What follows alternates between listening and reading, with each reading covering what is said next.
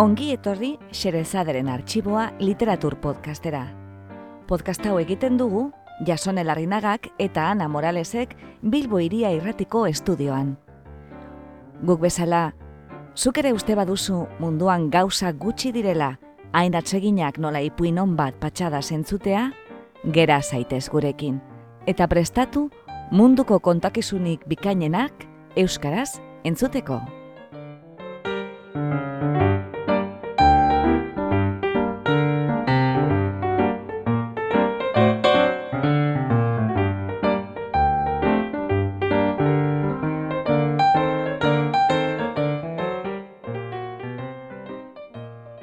Gaur, Xerezaderen arxiboan, agur eta sorte hon. Egilea, Grace Paley. Itzultzailea eta sarreraren egilea, Jasone Larrinaga. Ahotsa, Ana Morales. Grace Paley, mila bedatzen eta hogeta biko abenduaren amaikan jaio zen, New York iriko Bronx auzoan, eta bi mila eta zazpiko abuztuaren hogeta bian hiltzen Vermonteko bere etxean. Historio laburrak, poemak eta entzeguak idatzi zituen. Horrez gain, aktivista politikoa eta irakaslea izan zen. Grace Payleren gurasoak, Ukraniatik Amerikako estatu batuetara emigratu zuten, eta beren etxean, errusieraz eta jidixez hitz egiten zuten, ingelesez gain. Emeretzi urterekin, Pelik V bikoitz H Oden idazlearekin ikasi zuen, eta sarritan aipatzen da, Odenen ardura soziala eta ironiaren erabilera, eragin handia izan zirela Peliren lanetan, batez ere poesian. Peli aktivista politikoa eta bakesalea izan zen. Bere esanetan, bakesale borrokalaria eta anarkista kooperatiboa zen, bere kontraesanak agertuz. Mila bederatzeun eta irurogeiko amarkadan, Vietnamgo gerraren garaian, zenbait aldiz atxilotu zuten gerraren aurkako protesta egiteagatik. Mila bederatzeun eta irurogeta masortzian, espetxeratu egin zuten, etxe zuriaren aurrean, arma nuklearen aurkako pankarta bat zabaltzeagatik. Pelik argitaratu zituen historio laburren hiru bilduma, The Little Disturbances of Men, Enormous Changes at the Last Minute, Later the Same Day, Poesia liburuak, Leaning Forward, Long Walks and Intimate Talks, New and Collected Poems, eta artikuluen eta entzeguen bilduma bat, Just as I Thought. Bere historio laburrak New York irian gertatzen dira, eta protagonista kaleko pertsona arruntak dira. Gehienak emakumezkoak dira, eta batez ere, guraso bakar diren andraskoetan jarri zuen arreta. Irrika sexualaren eta bere biziko nekearen artean harrapatuta daudenak. Ez dira Amerikako estatu batuetako erdimailako etxeko andre tipikoak. Emakume gazte eta eskongabeak dira, zenarrek eta maitaleek abandonatutakoak. Hala ere, emakume horiek ez daude bakarrik, umeak eta beste andrasko batzuk dauzkate ondoan. Alaitasuna eta ironia dira haien ezaugarriak. Izan ere, ironia da, atsegin ez duten egoera baten aurrean sentitzen duten frustrazioa usatzeko modu naturala. Protagonista horien bidez, pelik, arrasa, generoa eta klasea aztertzen ditu. Bere izkera harina da, indartsua, zorrotza eta garratza. Bere estiloa eliptikoa da. Ez dago deskribapenik eta irakurleak adi-adi egon behar du ekintzaren zein lekutan dagoen jakiteko eta nok hitz egiten duen jakiteko. Hala ere, pertsonaiek argi uzten dute bere nortasuna hitz egiten dutenean eta badirudi Peiliren istorioak osen irakurtzeko idatzi zirela. Kritikari askok diote trama edo korapiloa falta dela historio hauetan, eta kontaketak gauzen erdi erdian hasten direla, hasierak eta amaierak zabalik daudela. Izan ere, ez dela ezer gertatzen, esan ohi dute. Baina hori da peileren helburua, ekintzaren ordez, elkarrizketak eta ahotsak erakustea, ahots horien tonua. Gaur irakurriko dugun ipuinaren protagonista emakumezkoa da. Testua ikusita, pentsa dezakegu gizagaxo bat dela eta bizitzan ez duela sorterik izan. Baina ez da horrela. Berak erabakitzen baitu une bakoitzean zer egin nahi duen arlo profesionalean eta pertsonalean. Beraz, Andrasko indartzua daukago aurrean. Historioaren azkenean beti amestu izan duena lortzen duena. Entzun dezagun bada, agur eta sorte hon.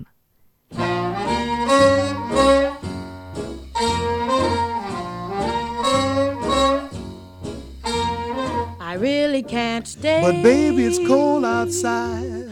I've got to go away. But baby, it's cold outside.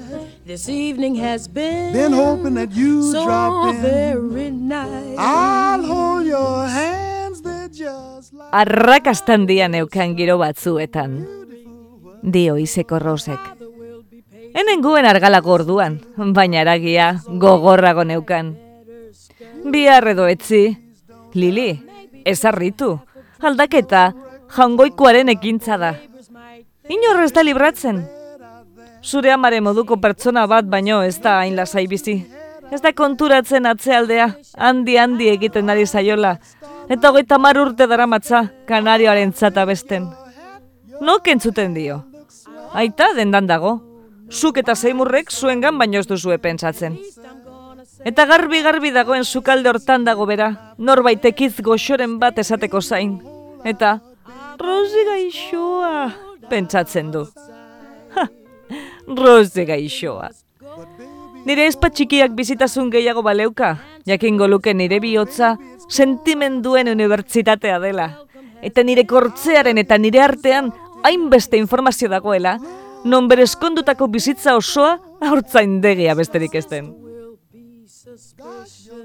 Gaur egun hoteletan bizi naiz beti. Iriko beko edo goiko aldean. Nok behar du apartamentu bat, neskame bat bezala bizitzeko, hautzak kentzeko trapu bat eskuan eta doministikuka. Oso ondo konpontzen naiz zerbitzari laguntzaileekin. Etxean egotea baino askoz interesgarriagoa da. Mota guztietako jendea, pertsona bakoitza bere arrazoiekin. Eta nire arrazoia da, Lili. Duela denbora asko, Ugazab Andreari esan niola. Andrea, ezin badut lehioaren ondoan lanik egin? Ezin dut lanik egin? Ezin baduzu lanik egin, eskatxa? Esan zuen adeitasunez, zo askaleko izkinara? Eta horrela geratu nintzen lanik gabe arropa dendan. Nire horrengo lanerako eragarki bati erantzun nion. Honela zioen. Neska gazte eta dotorea. Erdi mailako soldata. Kultur erakundea. Tranbian joan nintzen elbide hartara. Bigarren etorbideko arte errusiarreko antzokia zen. Jidixez idatzetako lanik onenak baino zituzten antzesten. Txartel saltzaile bat behar zuten, ni bezalako norbait, jendea gustatzen zaiona, baina lotzagabekoekin zorrotza dena. Elkarrizketa egin zidan gizona administratzailea zen, tipo xelebrea. Berehala esan zidan, Rosie Liber, gorpuskera marduleko emakumea zara gero. Mota guztietako jendea behar da, Krimberg jauna. Ez txartu lertu neskatila, esan zuen. Ulertzen dut, ulertzen dut. Aurretik eta atzetik ezer ez daukan emakume gazte baten odola, oso lanpetuta dago bere behatzak eta atzamar puntak berotzen, eta ez daukastirik gehien behar den lekuetatik zirkulatzeko. Mundu guztiari gustatzen zaioa deitasuna. Hauxe esan nion. Ez zaitez izan lotzagabean irekin, Krimberg jauna, eta tratu hon bat egingo dugu. Alaxe egin genuen. Bederatzi dolar astean, katilu bat te gauero, doako sarrera bat astero amarentzat, eta entzeguak ikustera joan ninteken nik nahi nuenean. Nire lehen bederatzi dolarrak, dendariaren eskuetan zeuden aurrera joateko prest, eta Krimberg jaunak esan zidan, Rosi, gizon bat dago hemen, antzoki bikain honetako kidea da, eta zu ezagutu nahi zaitu. Zalantzabarik, zure begi marroi handiek zirrara eragin diote? Eta nor zen Lili? Entzun ondo. Nire begien aurrean, Volodia Blaskin zegoen, garai hartan jendeak bigarren etorbideko Valentino esaten ziona. Begiratu egin nion, eta neure buruari esan nion. Non hasi da inbeste mutiko judu bat? Kiebeko aldirietan, esan zidan. Zelan? Amak bularra eman zidan zei urte izan nituen arte. Olako sasuna zeukan erreskako mutiko bakarra nintzen. Jainko ablaskin, zei urter arte! Gari birrindu aukiko zuen, ez bularrak emakume gaixuak. Nire ama ederra zen, esan zuen. Bere begiak izarrak bezalako bak ziren. Zelako modua bere burua ditzera emateko. Negar malkoak eragiten zizkizun. Aurkezpen horren ondoren, Blaskinek Krenbergeri esan zion. Nok dauka pertsona gazte hau kaiola batean eskutatzearen errua? Hortxe saltzen ditu txartelak saltzaileak. Hori da, David. Soaz barrura eta saldu txartelak ordu erdiz. Ideia batzuk dauzkat neska honen eta konpainia honen etorkizunari buruz. Soaz, David, izan formala. Eta zu, lieder andereñoa, mesedez, Fenbergera joatea proposatzen dizut, te hartzera. Entseguak luzeak dira. Orduan Feinberg delako taberna hartara eraman ninduen. Izkinan buelta eman da zegoen, Ungariarrez betetako lekua, sarata burrun batzua zegoen. Atzeko egongelan, Blaskinentzako mai berezi bat zegoen. Ugazabandreak hause bordatu zuen mai zapian. Blaskinek hemen baskaltzen du.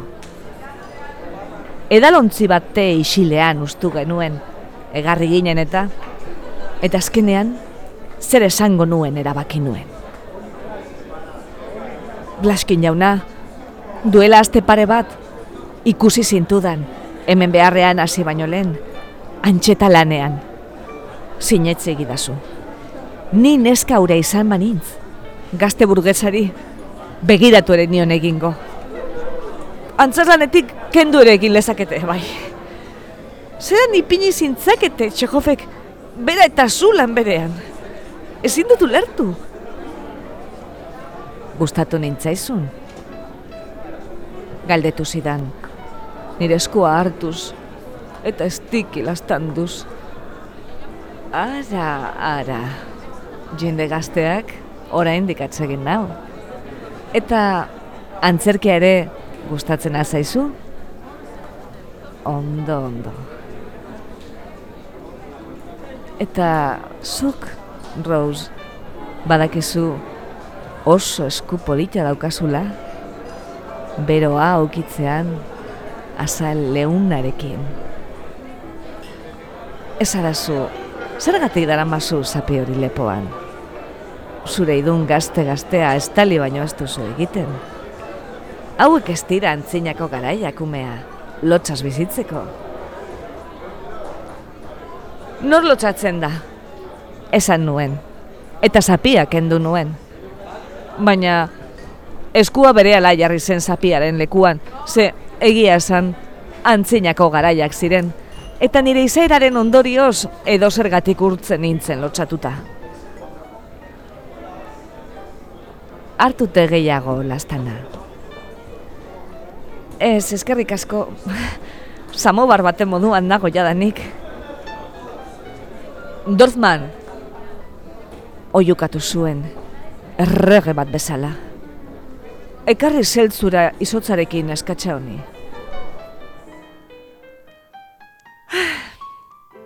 Urrengo asteetan, Blaskin pertsona modura gero eta hobeto ezagutzeko privilegioa izan nuen, bai eta bere lanbidean ikusteko aukera ere. Udagoiena zen.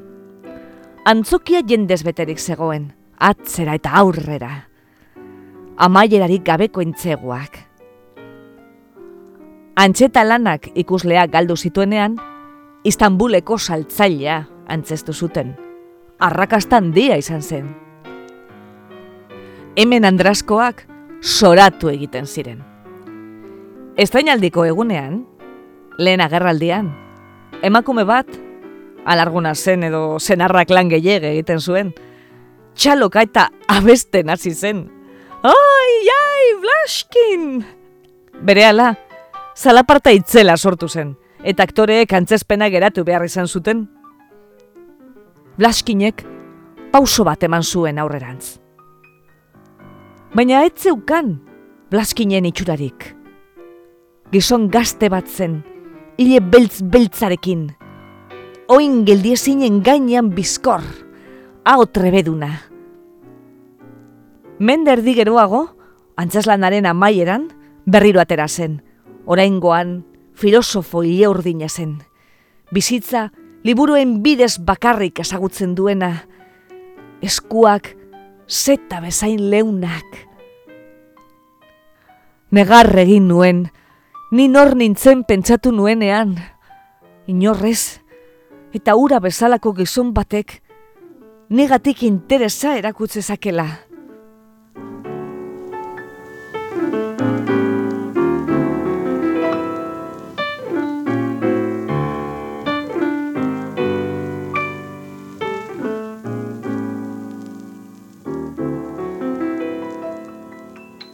Orduan soldatapur bat igozi daten, Blaskinek nire aldeko gauzaren bat esan zuelako.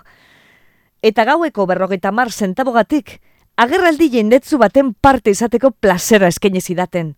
Lenguzu lenguzinekin, eskonsenidekin eta gaztetxo antzerkizalekin eta Blaskinek gauero ikusten zituen moduan, egun karpegi zurbil ikusten nituen, haren sentimenduen zain, gero barre egiteko edo buruak tristuraz makurtzeko.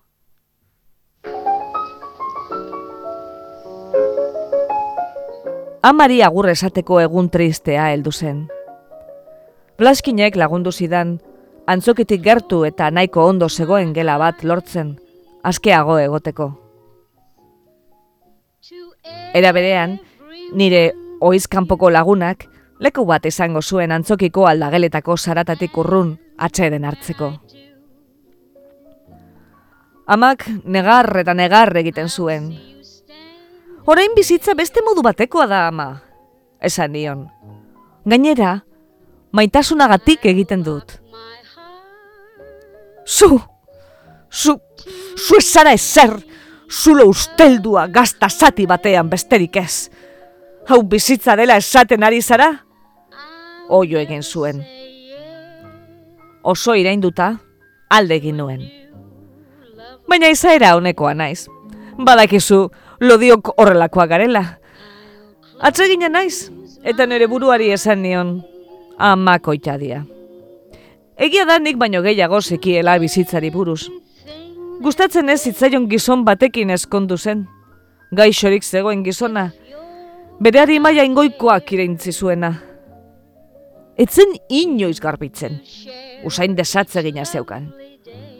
Bere aginak erori egin ziren, bere joan egin zen, txikiagotu egin zen, apurka-apurka zimeldu egin zen, eta agur eta sorteon joan egin zen. Eta ama, eskailerapeko gutun ontzira argiaren fakturaren bila joaten zenean, baino etzen berataz gogoratzen. Bera oroitzeko eta gizateriari zor zaion errespetuz, maitasunagatik bizitzea erabaki nuen. Ez barrerik egin, ume txakin hori, Niretzat erraza izan zela uste duzu? Amari zertxo bait eman behar nion. Ruzi eta zure aita, elkarrekin ari ziren aurrezten, arropa zuriak eta aizto eta zardeska pare bat erosteko. Goizetan, desta joan egin behar nuen lan, bakarrik bizi nahi banuen. Eta loreak egiten dituen? Baskaltzeko ordua baino lehenago? Egunero, lorategi bat azten zen nire mailaren gainean. Horixe zen nire independentzia, Lili maitia. Loratu egiten zen, baina ez zeukan sustrairik eta paperezko arpegia zeukan. Bitartean, Greenberg ere nire atzetik zebilen. Zalantzabarik, Blaskinen arrakasta ikusita, pentsatu zuen. Ara, ireki sesamo! Konpainiako beste batzuek gauza bera egin zuten. Urte haietan, ibili ziren nire atzetik, Greenberg, aipatu dut, Carl Zimmer, gazte inosoen paperak egiten zituena ilorde batekin, Charlie Peel, nazte honetan txiripa erori zen kristaua, dekoratu ederrak egiten zituen. Berezko zena dauka koloretarako, esaten zuen Blaskinek, bere hitz egoki haiekin. Agustia asatzen dizut ikustezazun, zure izeko potoloa etzegoela bakardadean soratuta. Urte zaratatzu haietan, nire lagunak pertsona interesgarriak ziren. Eta gaztean intzelako eta entzule bikainan intzelako miresten induten.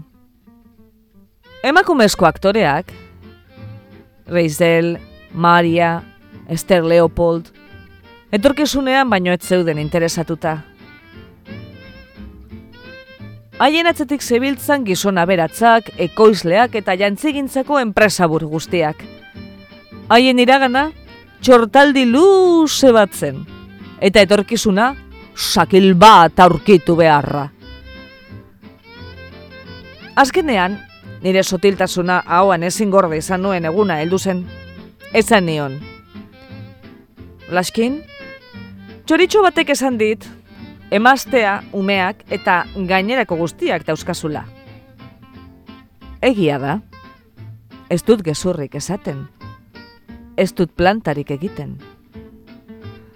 Hori ez da kontua. Zerakoa da zure emaztea? Galdetzeak min ematen dit, baina ez aidazu blaskin. Gizonen bizitza ez dut oso ondo ulertzen. Neskato, eun aldiz esan dizut. Gela txiki hau, nire espiritu artegaren komentua da. Ona etortzen nahi zure babesleku xalora, bizitza estugarri baten erdian, nire arima berritzera. Oi, Blaskin, benetan, benetan, nor da zure mastea? Rosie, erdi mailako klaseko emakume ona da. Ama ona nire umeentzat. Irume, denak neskak. Sukaldari ona da. Polita zen gaztetan, eta orain ez da ingaztea. Ikusten duzu.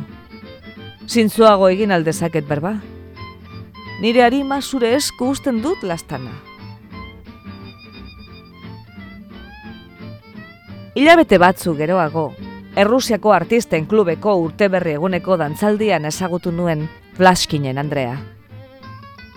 Ile beltza zeukan mototz batean lotuta, garondoaren parean. Tente eta arro zegoen. Mai txiki batean eseri zen, eta ahotzakon batekin hitz egiten zuen une batean solasean aritu nahi zuten guztiekin. Bere jidisa ezin hobea zen itz bakoitza bitxi berezi baten modura, zizelkatua. Begiratu egin nion. Mundu guztiari erreparatzen zion moduan erreparatu zidan niri. Natibitate goiza bezainotz. Gero nekatu egin zen. Laskinek taksi bati deitu zion, eta inozi ez nuen emakume ura berreiro ikusi. Gaxoa, etzekien holtza berean geundela, posoia nintzen bere papererako, baina etzen jabetu. Geroago gau hartan, nire atearen aurrean, haus esan nion glaskini. Bukatu da, hau ez da niretzat.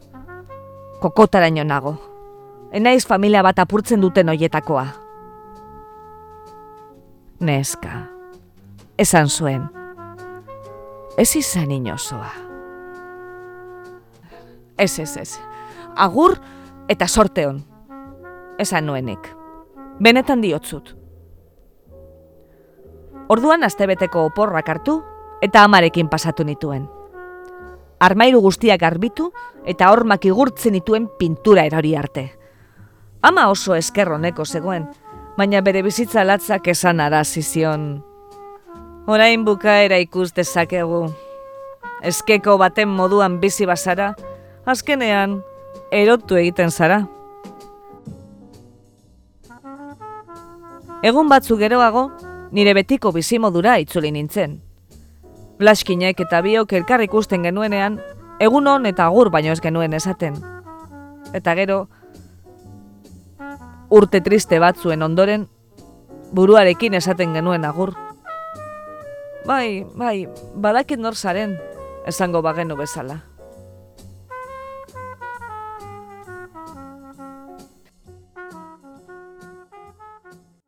Bitartean, gudu zelaian, estrategia aldatu egin zen. Zure amak eta mamak mutilak ekartzen zituzten etxera.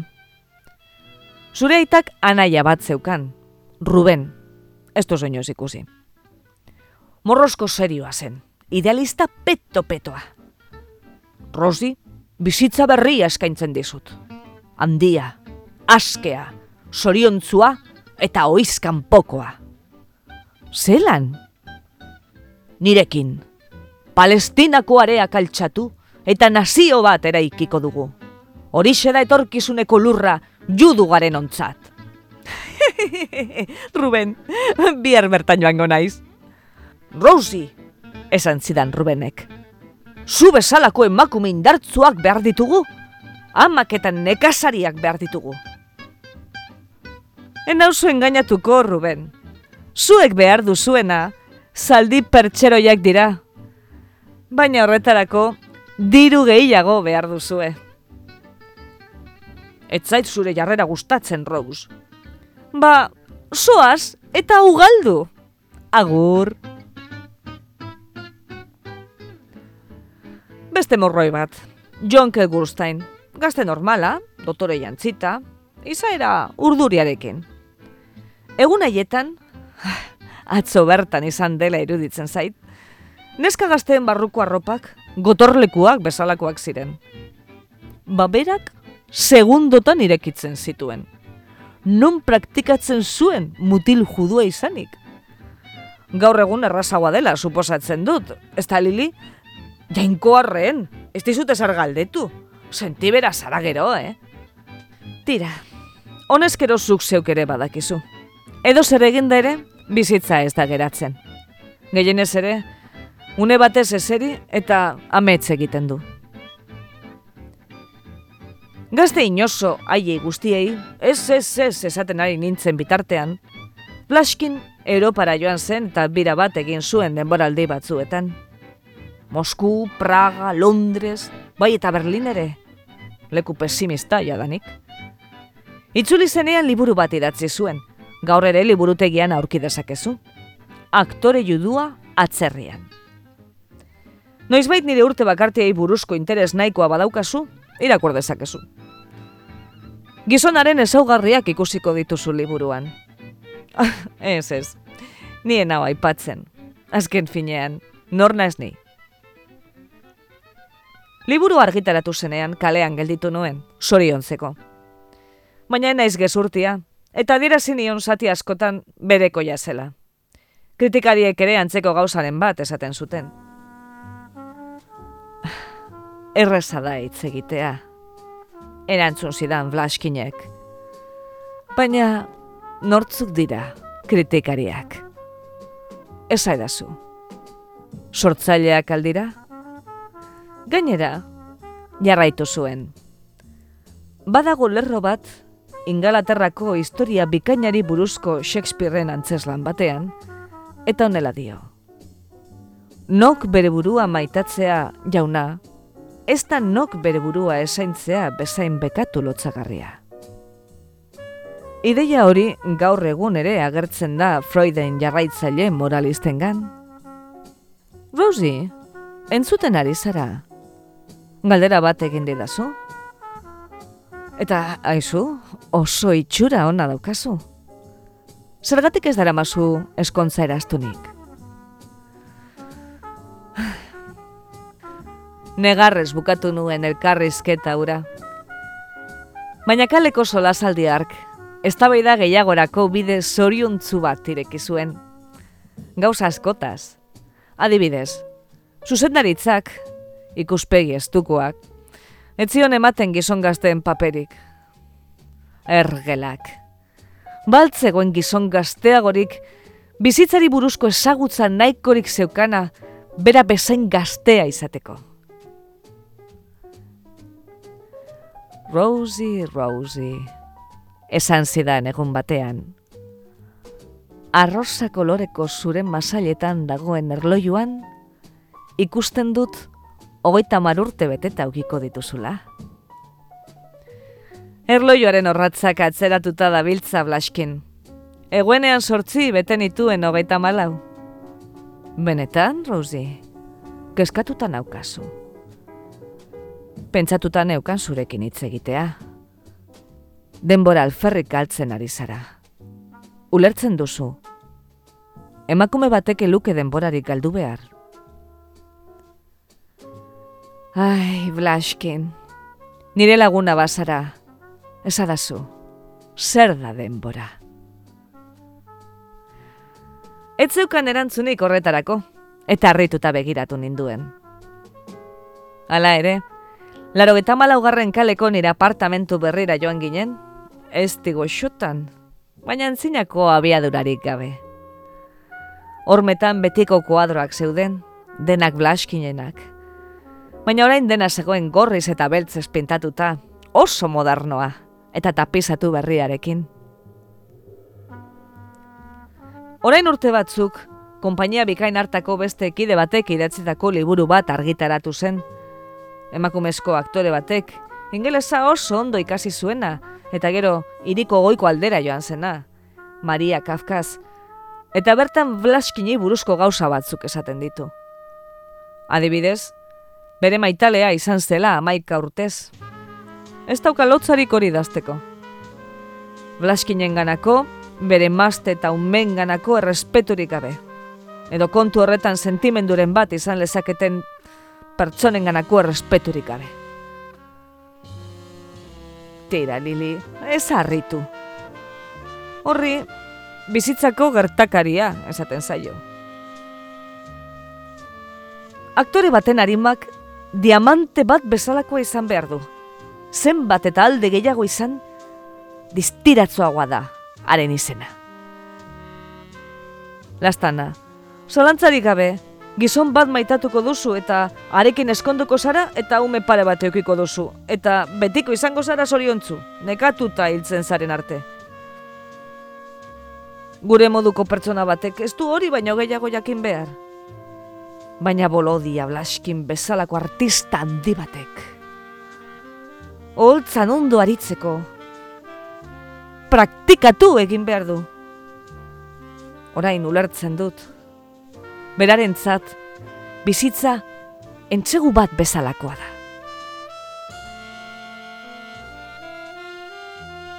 Neuk ere, aitagin arreba lanean ikusi nuenean, adineko gizon bat, neskato gazte eta polit batekin maite minduta, semearen emaztea, egezel mezel antzesten zuena, negar egin nuen. Neska ari esaten zizkion gauzak, haupeka esaten zizkion gozotasunak, sentimendu horiek guztiak arpegian islatzen ziren modua. Lili, esperientzia hoiek nirekin izan zituen. Itzak ere berberak ziren. Imaginatu zeinen narro nengoen. Eta apurka-apurka historioa bukaerara iristen da. Amaren aurpegian ikusi nuen lehenengoz. Denboraren idazkera zirriborrotzua bere masailetan gora eta bera. Bekokian alde batera eta bestera ume batek ere irakur zezakeen. Zaharra, zaharra, zaharra, zioen. Baina bihotzean, Min handiagoa eman zidan errealitate horiek, Blaskinen aurpegiera ederrean urratuta ikusteak. Lehenik, konpainia desegin zen. Antzokia itxe egin zuten. Esther Leopold hil egin zen, zaharraren zaharrez. Kirenbergeri bihotzekoak eman zion. Maria Broadwayra joan zen. Eta gezelek izen aldatu, Roslin jarri zuen, eta arrakasta handia lortu zuen filmetan paper komikoak egiten. Blaskin bera erretiratu egin zen. Etzeukan nora joanik. Egunkarian esan zuten, berdinik gabeko aktorea, bere memoriak idatziko ditu, eta bere azken urteak familiaren magalean igaroko ditu, ilobak oskorren artean, emazte maitekorraren kutunak.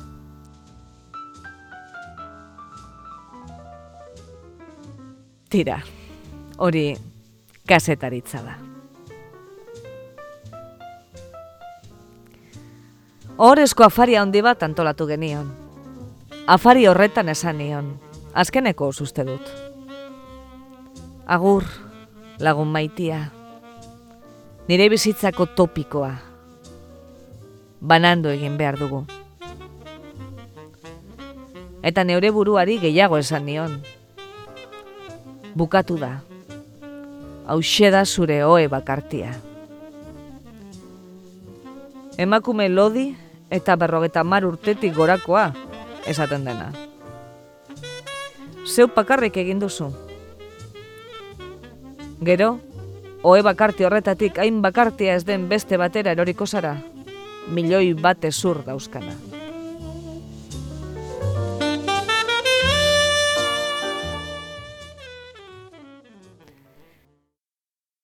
Eta zer gertatu da orain? Lili, ez ez asmatu. Joan den astean, barruko arropak konketan garbitzen ari nintzen, eta telefonoak jo zuen.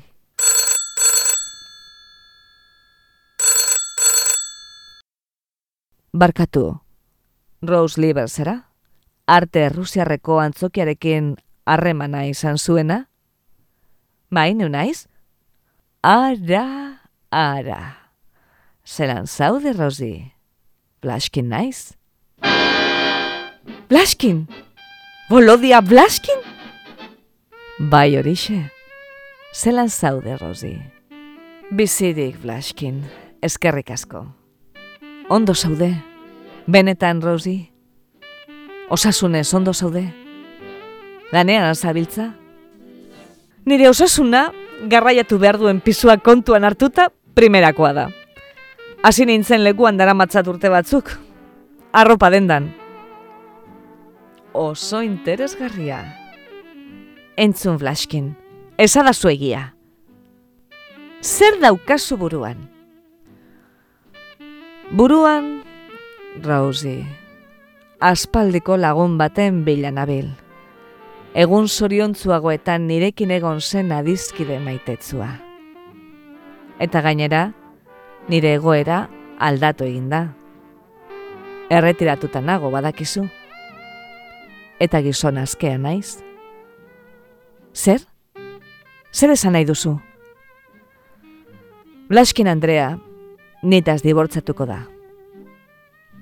Zer gertatu zaio? Zurrutean edo hasi zara tristuragatik? Adulterioagatik dibortzatuko da baina Blaskin, parkatu jesadazu, ez zaitez mindu, baina amazazpi, amazortzi urte agian egon zinen nirekin, eta niretzat ere, kopla aile guztiak, liluramenduak eta ametxarraiek, gehien bat, elkarrizketaren plazeragatik izan ziren, ez besterik. Esan nion hori guztia. Lastana, esan nion. Nire sasoia igaro da. Odola ezurrak bezain lehortuta daukat. Gertatzen dena da, Rosi. Ez dagoela ohituta egun osoan gizon bat inguruan eukitzera. egunkarietatik gure garaiko gertaera garrantzitsuenak ozen irakurtzen, gozariaren zain, baskariaren zain, eta zoratu egiten da egunak pasatu ala.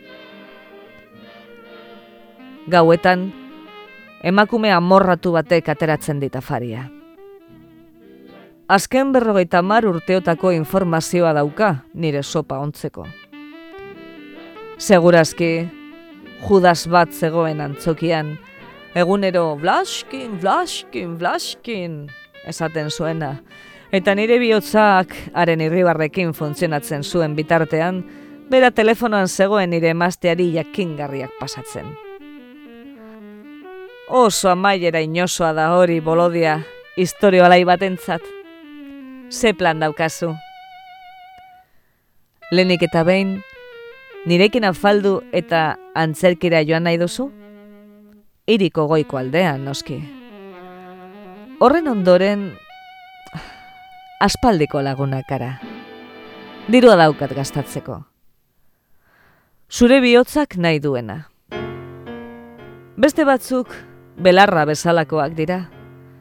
Denboraren iparraizeak haien bihotzak moztu ditu. Zutaz, Rosie, adeitasuna baino ez dut gogoratzen. Emakume batek gizon batentzat izan behar lukeena, horixe zinen niretzat. Uste duzu, Rosie, gure moduko adizkide pare batek ondo pasatzeko aukera daukatela mundu honetako gauza materialen artean? Erantzuna, Lili, bere ala eman nuen. Bai, bai, zatoz, esan nion. Telefono gunearen ondoko gelan nago, hitz egin behar dugu. Gau hartan eta asteko gau guztietan etorri zen. Bere bizitza luzeari buruz egin genuen berba. Adina gora bera, gizon xarmangarria zen oraindik. Eta gizonek egiten duten moduan, bere adinean ere, kaltere jaso barik ateratzen alegin zen. Entzun, Rosie, esan zidan lehen gogunean. Ia mende erdi egon naiz emaztiarekin eskonduta, konturatzen zara? Eta zertarako balio izan du. Begira zenbat samintasun. Zenbat eta gehiago pentsatu, orduan eta konbentzituago nago, inosoak izango ginatekela eskonduko bagina. Volodia Blaskin, esan nion argi eta garbi. Gaztean intzenean, zure bizkarrotza berotu nuen gau askotan, eta enizun galderarik egin. Zeokon hartu dozu, enizun ezer eskatu. Bioz bera nintzen. Enuen nahi, Rosie Lieber familien apurtzaile deitzea. Baina orain, Blaskin, gizon askea zara. Zeran eskari ezadak ezu zurekin joateko trenetan eta hotel arrotzetan egoteko Amerikarren artean zure maztea izan gabe. Lotzatuta egon beharko zenuke?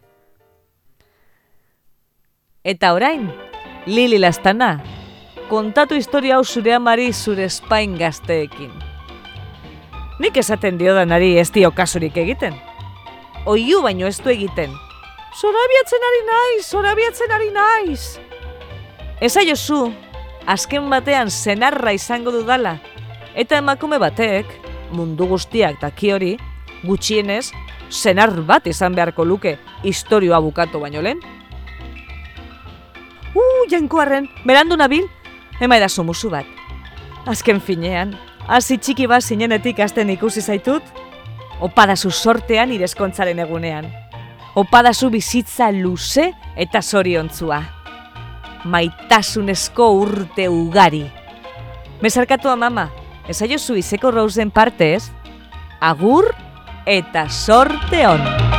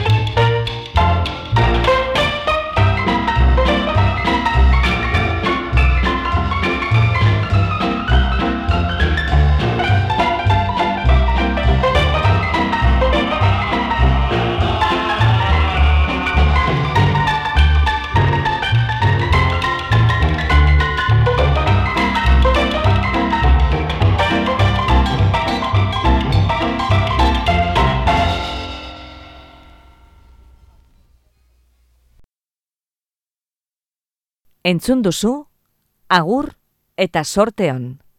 Egilea, Grace Paley. Itzultzailea, Jasone Larrinaga.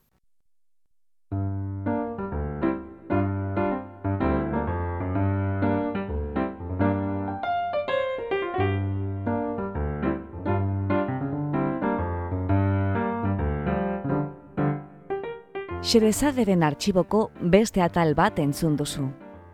Gure doinoa da Charleston Behind the Attic Door, Dance of the Wind taldearena.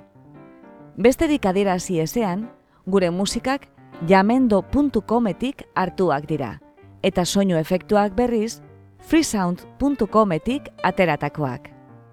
Podcast hau egiten dugu Jasonen Arinagak eta Ana Moralesek Bilbo Iria Irratiko estudioan. Gure audioak online entzuteko edo eskuratzeko eta podcastaren arpidedun egiteko, bilagaitzazu iTunesen edo joan gure blogera irubebikoitz.blogak.com barra isa a lp. Irriketan gaude zure iritzia jakiteko eta zure gurariak betetzeko. Beraz, gure blogera soazenean, eza astu iruzkina ustea eta irakurgai proposamenak egitea. Eskerrik asko gurera hurbiltzeagatik. Gustora egon bazara, etorri urrengo batean berriz ere, Xerezaderen arxiboa literatur podcastera. Laster arte!